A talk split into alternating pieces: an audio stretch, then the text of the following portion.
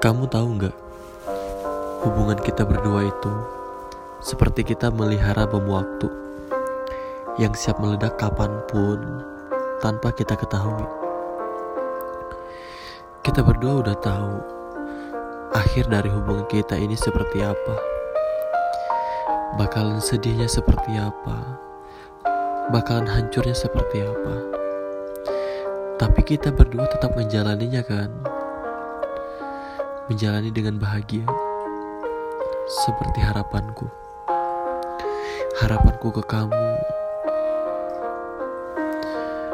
Kenapa nggak bisa ya kita menjalani hubungan seperti orang-orang bahagia, tertawa, bebaslah.